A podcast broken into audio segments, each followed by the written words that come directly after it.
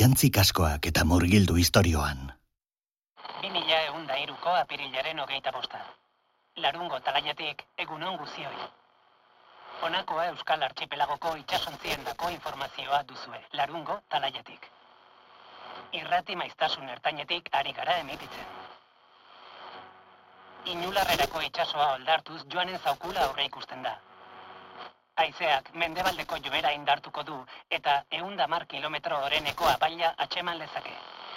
Kasu, tifoi arrisku bizia ukanen baitugu Euskal Uarteetan ora. Behar beharrezkoa ezpada uretarat ez irtetea gaztigatzen da.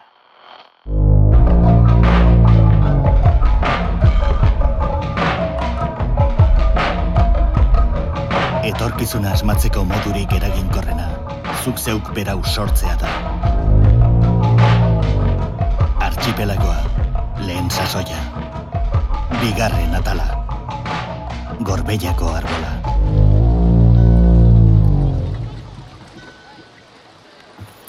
Nizar! Istriborreko txankuak errebisatu, eta ez dutu sotoko kupelako beto. Zer da, itona? Ezarrez. Ezkezkatu ontziaren gatik. Tifoiak uretan harrapatzen bagaitu ere, lortuko dugu portura iristea. Zer, aize pixka honengatik ikaratzen naizela uste duzu. Amar metroko latu artean dantza eginenago zu jaio aurretik ere. Bale, bale, bale. Nik aspaldi itxasoratu gabe zinelako esaten nuen, besterik ez. Aspaldi... Pasos, ez zebilen oker talaiako partea ez. Hau da hauek kaitz giroa. Ah, Nizar sotoan zertan da bilen begiratzera no. jare, eh, ez dakit ideia hona den. Zer, Nizar, eluke gurekin etorri behar. katu? Zer esan nahi duzu, nizar? Zaude, zaude, ez gaizki ulertu. Badakit mutilona dela eta kariñoa diozula eta hori guztia, Et, et, et, et, zaitez zu ere hasin badan pompidu bezala. Nizar Marilel trebea da, eta lemazain aparta, horreati dago Be, gure. be, be, baina... Baina zer, arabiar jatorrikoa delako ezin duela batzarrera etorri. Hori esan behar diaz. Bai, hoixe bera. Benetan, serio hori zara? Ez daukazu oiuk aitzegin beharrik. Zaharra naiz, baina naiz zeharo gortu. Hau bai ez nuela espero zure gandik. Ez dut ulertzen nola pentsa dezakezun indizar... Hori da kontua. Ez duzula ulertzen. Gazte egia zara bizitza nolakoa den jakiteko. Ah, oso ondo. Ez, ez, ez, ez dago ondo. Baina hala da. Zuk eta nik, nizarri begiratu eta beste marinel bat ikusten dugu. Baina batzarrera joango den askorentzat, gero eta gehiagorentzat. Nizar arabiar bat da. Iparligaren espioi bat, etxai bat, ulertzen? Hoxe baietz. Baina gaztea izan da ere gauza bat badakit. Jende horrek zer pentsatzen duen bost axola bidala. Zuri behar dizuke bezala. Ez eman niri leziorik, eh? Hauxe bakarrik. Ez da jende hori bazarrera joaten lagunduko zaituena. Ni baizik. Eta nizar nirekin dator. Zuk ikusi etorri nahi duzu nola ez.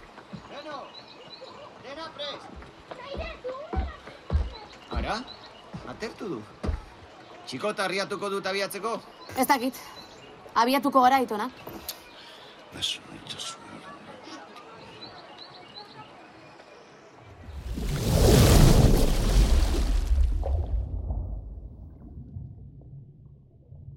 Arraroa dirudi, baina hori da jainkoak jarri zuen legea. Guztia urpean geratzen denean, falta den lenda biziko gauza ura izaten da, ur edangarria. Isekanker bat da. Aurrez jasandako sufrimendu guztiei gehitzen zaien zigor zital bat. Gozetuaren kaiola aurrean opil gozo bat paratzearen antzekoa. Baina horrela da. Lehenago akabatu espazaitu, uoldeak egarri ziltze zaitu. Zoritxarrez ez dago bidezidorrik horretan. Egarriak jota putzuetako ura edateko beharrean aurkitzen direnak, eriotza okerragoa izaten dute kasu gehienetan. Berako etengabeak, paludismoa, dengea, mota guztietako gaixotasunak jasaten dituzte, eta amaiera bakarra eta berbera. Eriotza. Bai, urez osatutako desertu honetan, ura da ondasunik preziatuena, Iturburuak edo urputzu edangarriak dituzten herriek bizitzaren itxaropenean sinesten jarrai dezakete. Hau guztia konponduko dela, etorkizuna hobea izango dela. Gainontzekook, zingiretako ura irakinez eta euri ura bilduz irauten dugunok, aspaldi astu genituen ametsoiek. Hori da jainkoaren naia itxuraz. Banaka eta luze pasatzen dira gure egunak. guztia atzerako zenbaketa bat baino espalitz bezala. Bizitza, hortzen mugarik gabeko itsaso bihurtuta.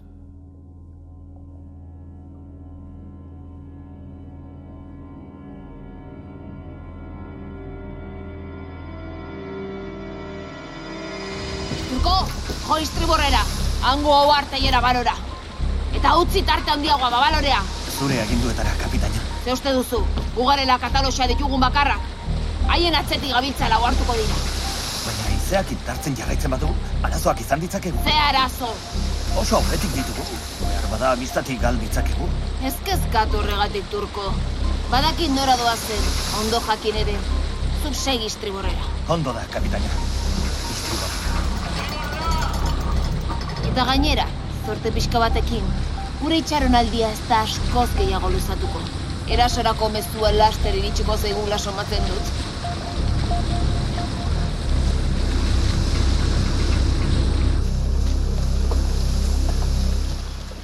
Azkenean sorte izan dugu. Eh, zer? Sorte izan dugula. Eguraldiarekin esan dut. Ah, Ez dugu tifoi arrastorik izan urbiako kaitik atera garenetik. bai, bai, bai. Beno, ba, laster sartuko gara gorbeiako badian. Gorbeiako badia. Ze, gaizki esan dut? Ez ez, nizar, ondo esan duzu. Bakarrik zera, hainbeste urte pasatare tarteka oraindik harritu egiten naiz. Aldakizu. Ja, Hau, uarte txikiz josita ikusten duzuna lehen, ondoratzea baino lehen. Oso baiara ederra zen. Menditsua, pagadiz betea. Buah, ikusteko izango zen. Ai, oso baiara ederra. Jende asko etortzen zen igandetan eta pasiatzera, aldakizu. Mendian ibiltzera, Ibiltzera? bai, ohitura zen. Etxeetan sartuta edo lanean edo denbora asko ematen zuen jendeak orduan eta altzuenean, mendira joaten zen ibiltzera. E, e, eta ez zen arriskutsua? Arriskotsua, etzak, etzak txorra daik esan. Ez zen orain bezala. Orduan ez zeuden zakur basati nazkagarri horiek non nahi. Esan nahi dut zakurrak bat zeuden, baina maskotak ziren oraindik. Ule, ulertzan duzu. Garai hartan mendian topa zenezakeen animalia arriskotsuena behi bat izango zen. Ni ere etorri nintzen behin. Du? Bai, Mendian, ibiltzera? bai, bai, bai, gurasoekin. Ah? Mendizalea zen aita. Ama ez hainbeste.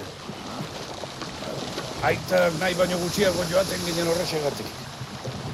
Ni oraindik txikia nintzen gainera. Alda pasio orduko kexatzen zen hoietakoa. ez, ez ginen askotan joan mendira, baina honekin gogoratzen naiz bai. Orbea, Zenbat urte zenituen? E, e, gurasoekin etorri zinenean. zenbat urte? A, sortzi edo horrelakore bat. Lehen olatua baino urte bete harinago gutxi gora bera. Aitak gurutzera igo naizuela gogoratzen dut. Gurutzea? Ai, la hostia, tontorrera. Ah, bale, bale. Orain talaia postua dagoen gailurra da hain zuzen. Oso bista polita zegoen handik. Orain ere bai, baina orduan inguruko mendi guztiak eta herriak eta bailarak ikustitezkeen. Ederra izango zen, ezta? Ai, izango zen, ez dakit. Ez ginen goraino iritsi. Eta hori? Bidearen erdia ere egin gabe, enuela aurrera jarraituko tematu nintzen eta buelta eman genuen. Eoskorra zinen orduan ere. Urrengorako utzi genuen. Barkatu? Tontorrera ikotzea, gurutzera. Ah. Urrengorako utzi genuen. Apur bat gehiago azten nintzenean igoko ginela esan zuen aitak. Urrengo urtean edo. Baina ez zen urrengo urterik egon.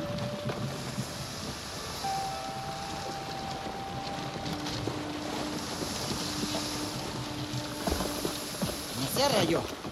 Zer da hotxori? Txesontziren bat guri segika? Ez dut zer ikusten. Non daude? Jare! Ikusten aldituzu! Zeba balorea zaren nizar. Lasai, ez dago itxasontzirik. Adarrak baino ez dira. Gorbeako talaiatik guri deika. Guri deika! Guri eta Euskal Archipelago osoari gure arbasoek egiten zuten moduan. Batzarrerako deia, arbolaren azpian. Iritsi gara.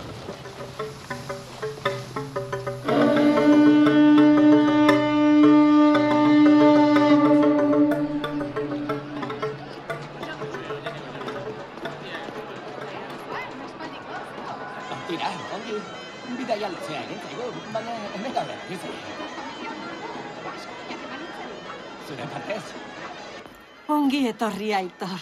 Banuen zu ikusteko gogoa. Baita nik ere, espaldiko. Zer moduz bidai? Bueno, badakizu. Jare, baina, bueno, zure itona baino oraindik zarragoa dirudiz, baina zer ditu, egun urte. Ez ez baboa izan. Irati da. Bizirik dirauen hiru printzatako bat. Ez zinela etorriko uste nuen. Enuen asmorik, baina enekok zure mezua helarazi zidan. Bai, barkatu horrela ibiltzea. Modurik azkarrena izango zela pentsatu nuen. Poste naiz. Hainbesteko alda premia. Ba, orain kontatuko dizut. Garrantzitsu... Eta zure itonaren ezkerretara dauden hoiek, bizar luzeko hoiek, nor dira? Karrantzako uarteetako ordezkariak direla uste dut. Aitonari ulertu nionagatik toloñokoen alde berdinean daude, bazarrera begira. Nola alde berdinean? Bi alde aldaude. Jode, nizar. Zuetara ezertaz enteratzen, ez? Oi, inork azaltzen ez badit? Ez pipertu. Batzuetan aztu egiten zaitzen denbora gutxi daramazun gure artean. Zer esan nahi duzu Enaizela benetako euskalduna? Jode, ze duzu gizonezkoek gaur. Barrabiletako minez esnatu zarete danako, zer? Esaten izun bezala. Badakiteneko eta toloñoko gainontzekoak ez dituzula bereziki maite aitor. Ama lurra eta mari eta suga harta sasi erlegio hori guztia. eh, Mesedez, mesedez. Bai, bai, badakit. Edozin moduz ere toloñokoek kontu honetan arrazoia dute aitor. Fronte bateratua osatu beharra dugu. Fronte bat zeren alde, edo, edo hobeto esan da zeren aurka. Begira. Erreza da. Euskal Artxipielagoa uarte txiki burujabe ugariz osatuta dago, bai? Horreaino iristen naiz jare. Bale, ba, bakoitza bere aldetik dabil nola bet, ezta? Baina badaude batzuk beraien arteko elkarte moduko bat osatzen dutenak. Ah. Eibarko hiri autonomoaren inguruan elkartzen dira. Ah, bai, bai, hori entzuna dut. Polizia eta guztio eh, dute hoiek, gudaroste bat. Hoixe da. Arresiaren babesa deitzen diote. Arrateko gainari itxatxita ia eun metroko arresi erraldoi bat eraiki zutelako, itsasoari eta etxaiei aurre egiteko. Ah, Ba, bueno, funtsean bi bando baino ez daude. Eibar eta Jare. beste. Zer? Oain bere ala dena badakizu eta ez duzu azalpenik behar. ez, ez ez da hori. Mona zarra, egun urtekoa. Guri begira dago. Ah, bai. Beno, beno. Eta hemen atzean eskutatuta dagoen bikote gazte hau, nor dugu ba? Ze? Bapatean mutu geratu zarete?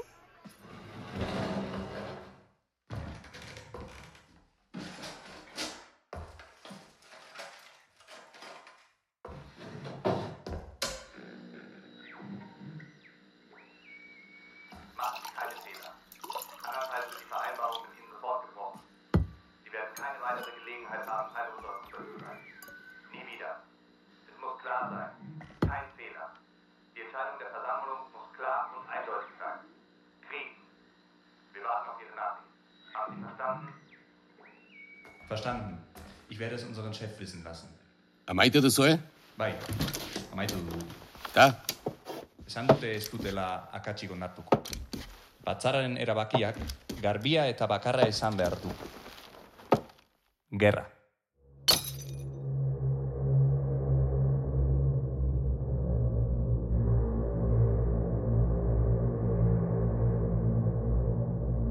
Ondoratzeak munduko botere banaketa goitik bera aldatu zuela esaten dute gehienek, eta alde batetik guztiz egia da. Nazioarteko potentzia ziren herrialde ugari txikitu zituen itsasoaren igoerak. Ipar Amerikako satirik handiena eta oparuena ia era bat urperatuta geratu zen. Baita Frantzia ere, Ingalaterra, Alemania. Garai batean Europaren iparraldea aberatsa izan zenetik, Alpeetako gune gutxi batzu bakarrik salbatu ziren. Eta aldiz, ordura arte bigarren edo hirugarren mailakoak ziren herrialde asko, olatuek ia kaltetu gabe suertatu ziren, eta haietako zenbait, potentzia berri bihurtu ziren gutxira. Ipar Afrikako liga horren adibide garbiena. Atlas mendikatearen arresi naturalaren babesetik eta itsasontzi ugariren laguntzaz, Europako artxipelago gehienak bere mendean hartzeari ekin zion. Betik gora, etengabe, marea bat bezala.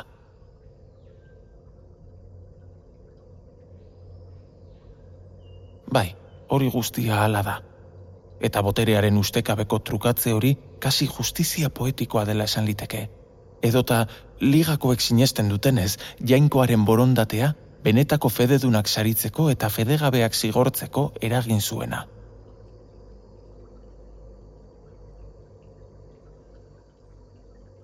Inork esango estizuna ordea, zera da. Herrialde bakoitzaren barruan, botere banaketak lehen bezala dirauela. Ondamendiaren aurretik aberatsak zirenen ondorengoek, aberatsak izaten jarraitzen dute kasurik gehienetan. Lurra dute, etxea, batzarrean parte hartzeko eskubidea noski, itxasontzi bat eta guztiak aso.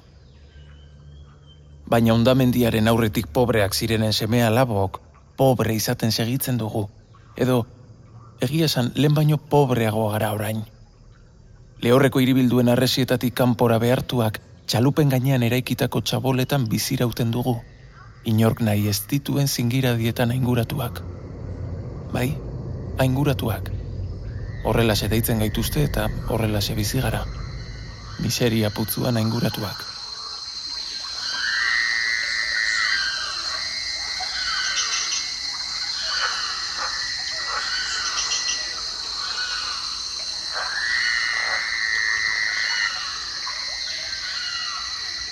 Arre!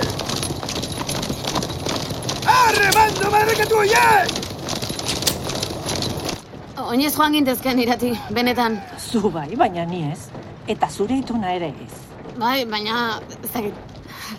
Bainarik ez neska. Portutik irigunera igotzeko zalgurdia ipintzen badigute. Gozatu aukeraz eta kitio. Ondo da, baina, bueno, esan nahi du zalgurdia ez digute guri jarri, zuei baizik, printzei. Hene, zure aitonaren ondo iguala zara gero. Bai, bueno, ala esaten dute. Bide batez, bera... Aurreko zalgurdian doa. Ah, Eta beste mutil gaztea ere bai. Lasai jare, lasai. bai, bai, ni lasai nago. Ez nuen norregatik esaten. Badakizu? Aitonaren antza duzula esan dizut, baina ez da guztiz egia. Ah, ez? Ez, esango nuke beste inorena baino gehiago zure amaren antza duzula. Nire amarena. Bai. Zuk nire ama ezagutu zenuen? Hoxe, zure begi berberak zituen olatzek. Beno, zuk bereak. Eta? Nolakoa zen bera? Nolakoa? Esan nahi dute, berak ze, ze mouzko gauzak egite zituen, eo zer gustatzen zitzaion, zein amets zituen. Ne, zure aitonak ez dizu amataz gehiagitz egin ez da. Ba ez, ia bat ere ez. Ez amaz, ez da aitaz ere. Aurrekoan neneko kalpetara joan zirela esan zidan. Nire aitarentzako sendabide bila, baina nik ez nekien ezer. Ez dakit orduan nik izan beharko tenukeen zuri gauza hauek kontatu beharko nizkizukeen jare. Nork orduan. Zure aitonak. Berak lagundu zuen zure ama bidaian. Hiruak joan ziren alpeetara. Nola?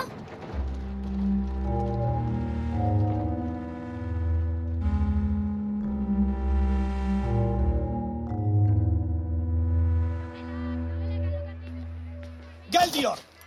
Ni? Bai, zu! Nora zoazela uste duzu, zorritzu horrek. Mesedez, jauna, ez dute zer Ospa, hemendik berehala edo zakur basatietara jartiko zaitugu, arrezietatik. Baina nik ez dugu zer jatekorik, jauna, mesedez, aurrak ditu. Alde egiteko esan dizut, kakajalea! Zarrera oztopatzen ari zara nazkagarri hori.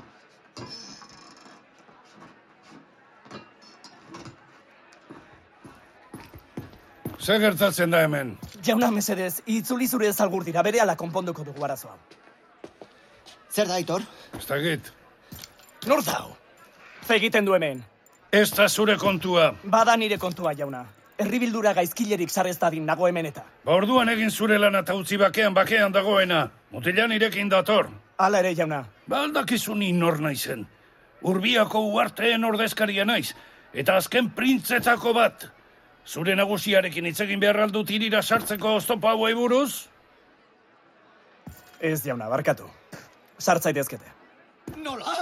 Ara Xabiar larrubel zorri sartzen usten diozu, eh? Eta bertakoak garen, oh, kanpoan botata? Iso putakumea, irek nazka-nazka egin da nabiat. Ez! Mesedez! Bizar, auro, igo salgur dira. Tira, tira, joazen, azkar. Arre! Arre! Zergatik ez ditu hain arte inork ez erresan. Nera itun alpetaraino joan zen nere amarekin. Eta zure aitarekin. Bera oso gaixo zegoen, izurriteagatik. Eta zure amak Germaniar Konfederazioak sendagairen bat izango zuenaren itxaropena zuen. Oso borrokalaria zen zure ama. Bai, baina alpetaraino. Bai, denok ez joateko esan genion. Bere aitak, zure aitonak, indar handienez. Bidaia luze eta arriskutsua zen. Areta gehiago aurdun egonik. E, nola ordun? Bai, lastana. Zuk ere bidaia hori egin zenuen, amaren sabelean. Horregatik lagundu zion zure aitonak bidaian. Ia urte betez egon ziren kanpoan. Egia esateko, hiltzat ematen genituen denok jada. Baina, egun batean, zure aitona itzuli egin zen. Ilun. Barrua lehen baino are gogorrago. Besoetan zekarren haurtxoak bakarrik argitzen zion apur bat bere begirada. Zuk jare, Eta nire gurasoak, ez ziren itzuli maitea. eneko kistripu bat aipatu zuen. Ez dakit ezer horri buruz. Zure aitonak esan zuen etzekiela. Nire aitonak ez dit egia bakar bat ere esan, nire bizitza osoan. Dena gezurra zen. Jare, ez zaitez horrela jarri. Babestu egin nahi zaitu, besterik ez. Ez dut babesik behar.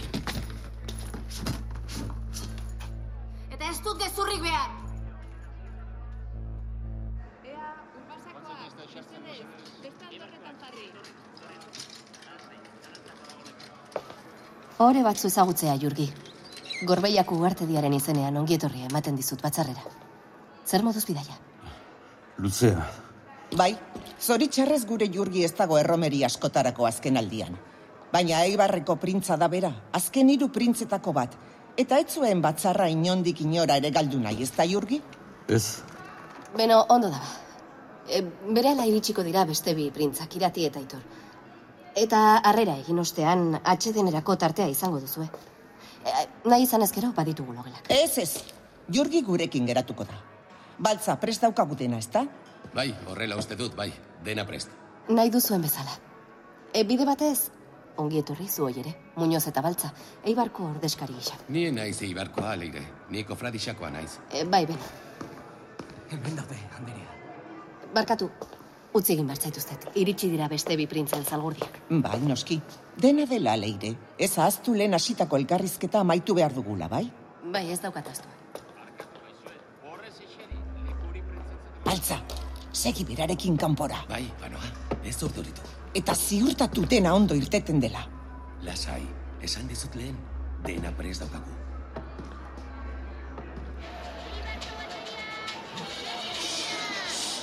Lasai, lasai.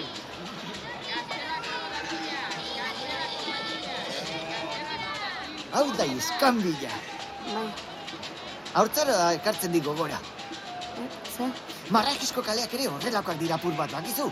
Zaratatxuak, jendez gainezka, alde guztiatatik etorritako merkatariak, soldaduak. Ba, ze ondo. Bueno, eta zuri ze gertatzen zaizu orain. Ez Zalgurritik jetxe zarenetik, eguraldia baino ilunago daukazu kopeta. Eta ez duzu hitz bat bera ere egin. Ze nahi duzu? Nire irrintzik astea? Sabeldantza igual, zure urtzaro gozoa gogora ekartzeko. Ah, bale, eh? nire hortzaroa da arazoa hemen. Barkatu Lizar. Ez egin kasuri, nik zera... Uste dut hobe genuela untzian geratu izan bagine. Ba, tira jare lasai. Zure itonari lagundu eta gero itzingo du. Zikinak induitzak neska horren bizkarretik, larru beltzorren. Joder. Eh? Ez duk euskara zulertzen? Barazo bazeukiagu, zenik ez dia zuen kaka erdera hori piperrik ere egiten. Ego nahi, saiatuko nauk. Hamala, aldeintzak! Eh, horrek ez dauka grazia putari. Jare, ustazu. Ara, morotxoak euskaraz badakita. Eta ni arabiarrez hitz egiten izerdia isurtzen hemen. Izerdia, zuk isurtzen dakizun bakarra astazakin lerde kiratxa da. Otra ustela. Eh, kontu zer diozun, urdanga horrek. Udanga. Zure mingainar laesterkaiko korkoien bazka izaten bukatuko du bestela. Ju, eibarko soldadua naiz ni. Bai, bai, bai. Eta Ibarko soldadu gisa, errugabeak babestu eta justizia bermatzea duzu helburu. Hori da esan nahi zenuena, ezta? Jauna! Bai, noski, Zer jauna. gaio gertatzen da hemen? Noiztik agintzen dute Ibarreko soldaduek gorbeiako gure lurretan. Baltza, Gonbidatu hutsak gara zuen lurretan, noski. Eta gainera, niko fradisako kide bat baino naiz. En naiz eibarko agintari bat ondo dakizun bezala, leire. Dena dela, ziur nago gaizki ulertu soil bat izan dela, besterik ez. Tentsio handia dago batzarrarekin, eta bere inguru abarrekin, badakizu. bai badakit, ondo jakin ere. Horregatik hain zuzen ere, ez dut kaleetan inongo sesiorik onartuko. Ulertuta? Argi eta garbi ulertuta. Ez kezkatu nire esku dagoen guzti egin dut. Zuk ere ulertu duzu, ez da soldadu? Bai, jauna. Ba alde nire biztatik bere. Gero hitz egingo dut zure nagusiak. Jare, jainko arren, ondo altzaude. Zer gertatu da? Eibarreko soldadu kakazako horren errua izan da guztia. Nizarrekin sartu da, eta ni... Eibarreko soldadua? Jare, zoratu egin altzara edo zer? Doazera popatik hartzera denak. Munduko nagusiak aldira orain. Ezin dituzte pertsonak horrela tratatu. Ez duzu ulertzen. Hemen gauza asko daude jokoan. Ez dut ulertzen eta ez dut ulertu nahi. Esan izun hau etzela zuretzat leku egokia. Eta are gutxiago nizarrentzat. Hemen ez zaudete seguru. Ez behintzat batzarra maitu arte. Babestuko zaitut, arriskuan zaude, besterik ez dut entzun ona iritsi garenetik. Zer nahi duzu? Esan garbi alde egitea. Bai, hoi nahi dut! Batzarra bihar hasita etzi bukatuko da. Kaira joan eta itxaron itxasontzian iluna barrera arte. Hemengo kaian pasadezakezu gaua. Iratirekin geratuko naiz ni. Ondo. Oso ondo. Zuk nahi bezala. Alde egingo dut. Horrela ez ditut behintzen zure egi erdiak entzun beharko. Zesan nahi duzu horrekin? Eh? Bizar! Guazen! Oraingoan zalgurdirik gabe joango gara. Jauna? Jare! Itxaron! Jare, mesedez, ez utzi horrela itona. Primeran.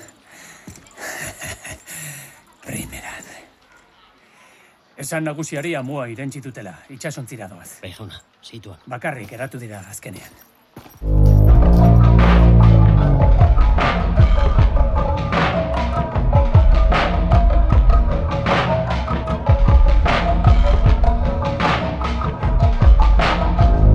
EITB podcastek eta Ulu Mediak egoitzitako saia. Archipelagoan parte hartu dute? Gidoian, Xavier eta Martin Etxeberria. Grabaketan eta soinu diseinuan, Xanti Salvador eta Koldo Korella. Aktore zuzendaritzan, Anartz Zuazua. Jatorrizko musika, Rafa Rueda eta Aritz Aramburu. Artea, Xavier Sagasta. Besteak beste, honako aktore hauek hartu dute parte.